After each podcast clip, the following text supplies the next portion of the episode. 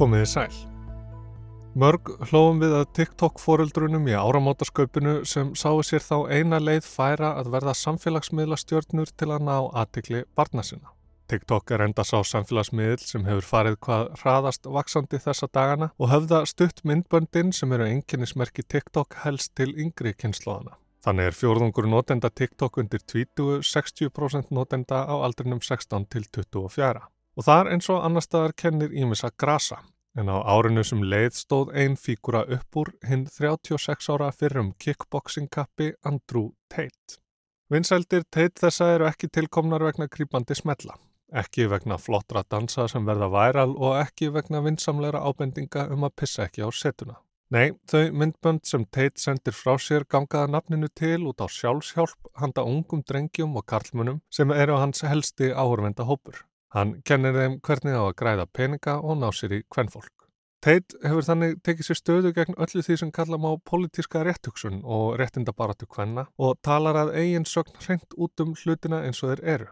Ég er svo sannarlega kvennhattari, sæði Tate í viðtali á YouTube. Ég er raunsæðismadur og þegar maður er raunsær þá er maður kvennhattari. Það er engin leið að vera í tengslum við raunveruleikan og ekki vera kvennhattari. Já, Tate hefur nefnilega hvað helst vakið aðdegli fyrir umdeldar skoðanir sínar á eðli og hlutverkum kynjana, alfa, meil, hugmyndafræði og klískjönd ríkidæmi sitt. Tate hefur ekki higgað við að snappa fæting á netinu, nú síðast við Gretu Thunberg, meira um það á eftir, en með þessu hefur hann ítrekkað baka sér vandræði og verið sparkað af hennum ymsu samfélagsmiðlum oftar en einu sinni og oftar en tvísvar. En nýjustu vandræði Andrew Tate er ekki tilkomin vegna skoðana hans og orða, heldur meintra, gjörða og aðtapna. Rétt fyrir áramótin var Tate handtekinn á samt bróður sínum af lauruglunni í Rúmeníu og sitja þeir nú í gæsluvarhaldi. Sakargiftinnar, mannsal, nöðkun og skipulögð glæpastarsemi. Ég heiti Snorriram Hallsson. Þú ert að hlusta á þetta helst og helst í dag er TikTok stjarnan sjálfsjálfar gúruinn og yfirlisti kvennhattarin Andrew Tate, ris hans og mögulegt fall. Emory Andrew Tate III, eins og hann heitir fullu nafni, fættist hann 1. desember 1986 í Washington DC. Fóreldrar hans kynntust í Englandi en framan af ólst Andrew upp í Illinois og Indiana. Fadur hans var flughermaður og alþjóðlegur skákmestari, skák frumkvöðul svartra í bandaríkunum.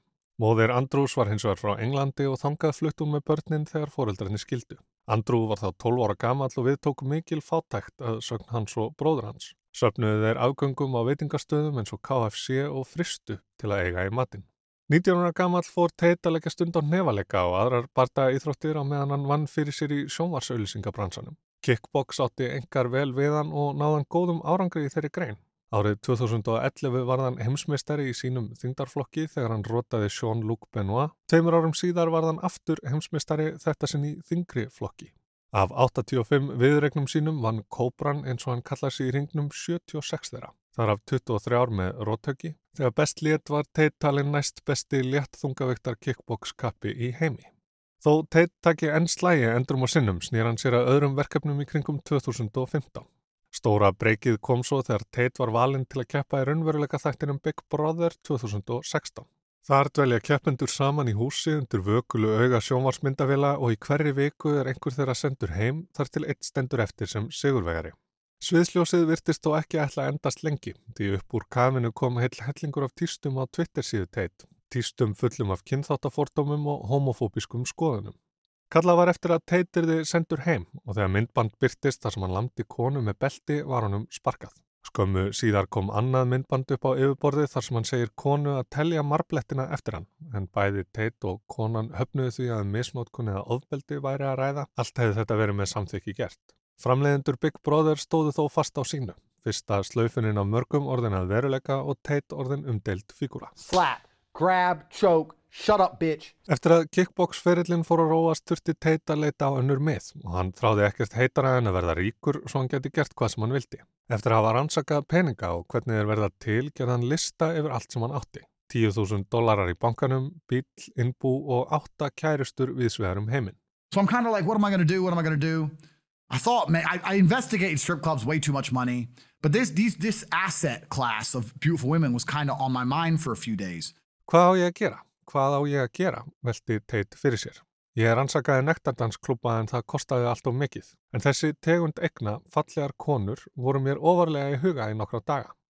Fyrir tilviljun rækst Tate svo á webcam síðu þar sem konur fækka fötum og framkvæma kynferðislegar aðtapnir fyrir þjórfið.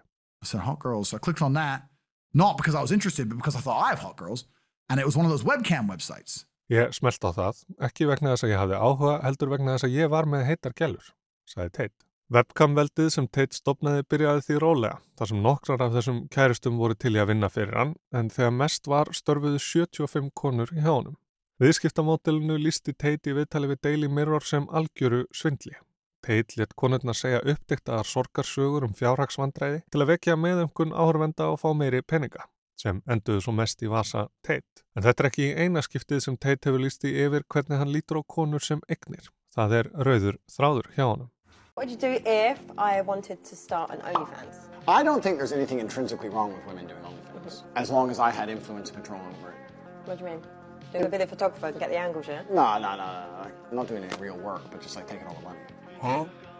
If my chick said I want to do OnlyFans, I'm like, all right, then cool, go do it. How much you made? Ten grand. All right, give me eight. All right, cool. All right. Why would what woman is going to give you eight grand? You're my woman. You're doing OnlyFans. You're selling my product. What the fuck? Your products. Yes, The correct. woman not- she's not Next your question. possession. No. She, I don't know if you're being serious. I'm totally serious. How would I let my chick do OnlyFans and keep all the money? That's disrespectful. What woman is ever going to give you that? Then she better not do OnlyFans. Duh. Vilji kærasta hans búa til klám á OnlyFans hefur hann ekkert á móti því svo lengi sem hann hefur stjórn og fái stærstan hluta peningana. Hún sé að selja hans eign, annað væri vanvirðing.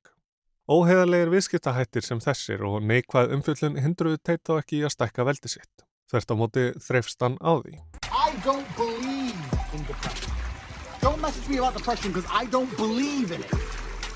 Í september 2017 held hann í fram skömmu fyrir alþjóðlegan dag sjálfsvíga að þunglindi væri ekki raunverulegur sjúkdómur. Heldur réðist tilfinningin af kringumstæðum sem hægt væri að breyta.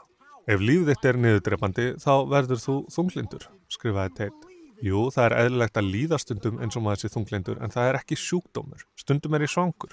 Svo breyti ég því. as as sternum,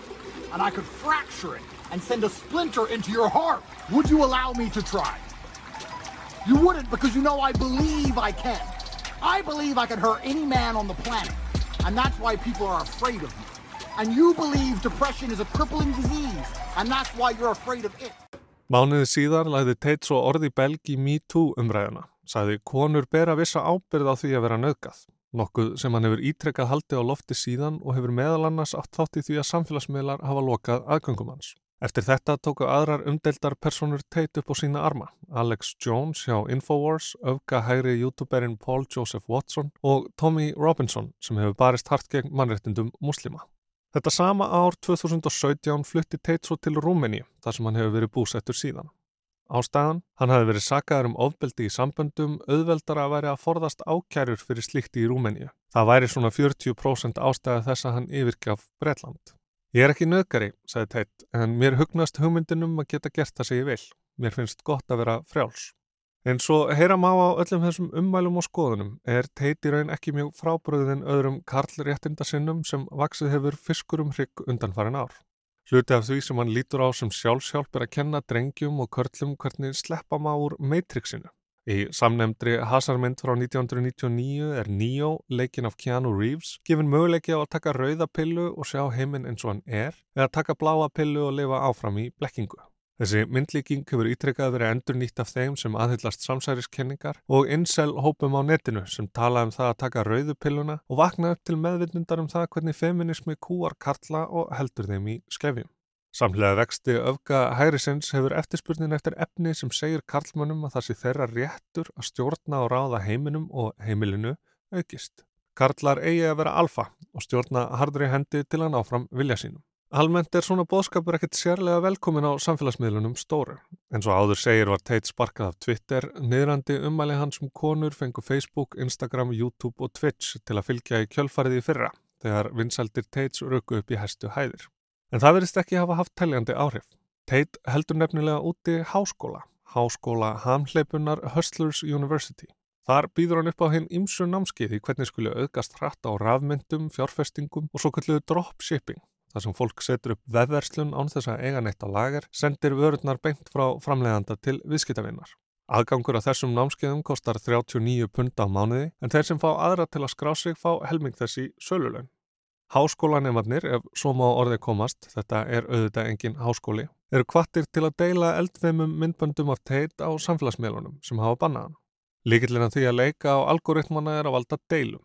Ákjósanlegt hlutfall þeirra sem sjá efnið er að 60-70% séu aðdáðandur, 30-40% hatarar. Þú vilt rifrildi, þú vilt stríð, segir Tate. Og svona hafa myndbönd Tate fengið miljardar áhorfa, þótt hann sé ekki með aðganga miðlunum sjálfur. Þrátt fyrir að TikTok segist banna efni sem inniheldur kvennhatur, viðist miðlinn halda því að ungu fólki, sérstaklega ungum drengjum. Í ágúst eftir að búið var að banna Tate svo gott sem allstaðar gerði The Observer Tilraun og stopnaði aðgang fyrir ímyndaðan 18 ára Karlmann. Eftir að hafa hort á myndbönd sem miða var að Karlmannum leið ekki að löngu þar til Tate fór að skjóta upp kollinum. Án þess að líka við þau eða leita að þeim sérstaklega byrtust myndböndin og eftir að hafa hort á tvö myndbönd með Tate var ekki aftur snúið. Næst þegar aðgangurinn var opnaður voru fyrstu fjögur myndböndin frá Tate frá fjórum mismunandi aðgöngum. Dr. Jordan Peterson var einni í blöndinni á samt öðrum karlréttindasinnum með svipaðan bóskap. Það sem vekur aðtikli er að flekkuð fortíð Tate er ekki sérlega vel falin. Sjálfur hefur hann sagt frá flestu, ásökunum um ofbeldi og svo framvegis og ekki fer hann lengt með skoðanir sínar á kvennfólki og öðru fólki sem hann tilur hafa lítið virði. Lítið til samfélagsins að leggja, hann kallar það orma. Allt verðist hann gera til að stopna til deilna, nú síðast á Twitter, en eftir að Elon Musk kifti miðlinn fekk Tate að opna aðgangsinn þar aftur. 27. desember týst hann upp úr þurru til umhverfisaktivistans Gretu Thunberg. Hæ Greta Thunberg, ég á 33 bíla. Bugattiinn minn er með 2.16 8 lítra quad turbovél, tveir Ferrari 812 Competizione bílarnir mínir eru með 6,5 lítra VAF 12 vélar og þetta er aðeins byrjunin. Vinsanlegast sendu mér netfangið þitt svo ég geti sendið lista yfir bílasafni mitt og risavaksinn útblástur þess. Thunberg leti ekki á svarinu standa. Já, upplýstu mig endilega, sendu mér posta á smalldickenergy at get a life, svaraði. Tate svaraði þessu svo í myndbandi klættur rauðum slopp, reykjandi vindil með pizzakassa í forgrunni. Tók hann sérstaklega fram að pizzakassin myndi enda í ruslinu yrði ekki endurunni.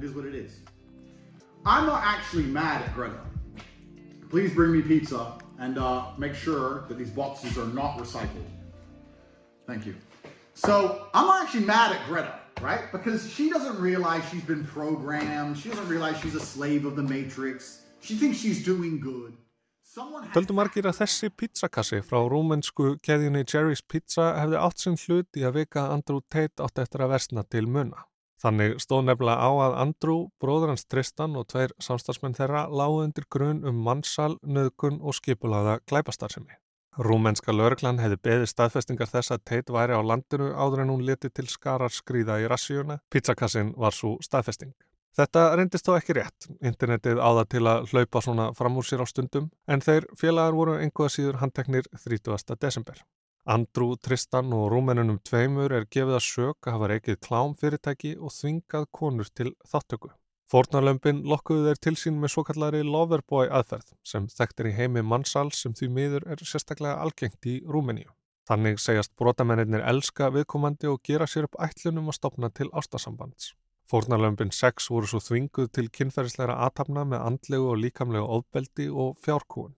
Á heimileit teit fundust peningastaplar, skotvopn og nývar.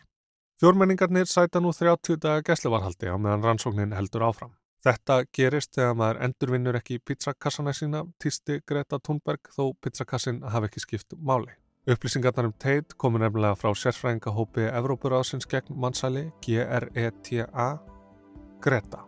Þetta var helst af ferli og handtöku fyrir um kickboxing kappans og samfélagsmiðla stjórnunar Andrew Tate.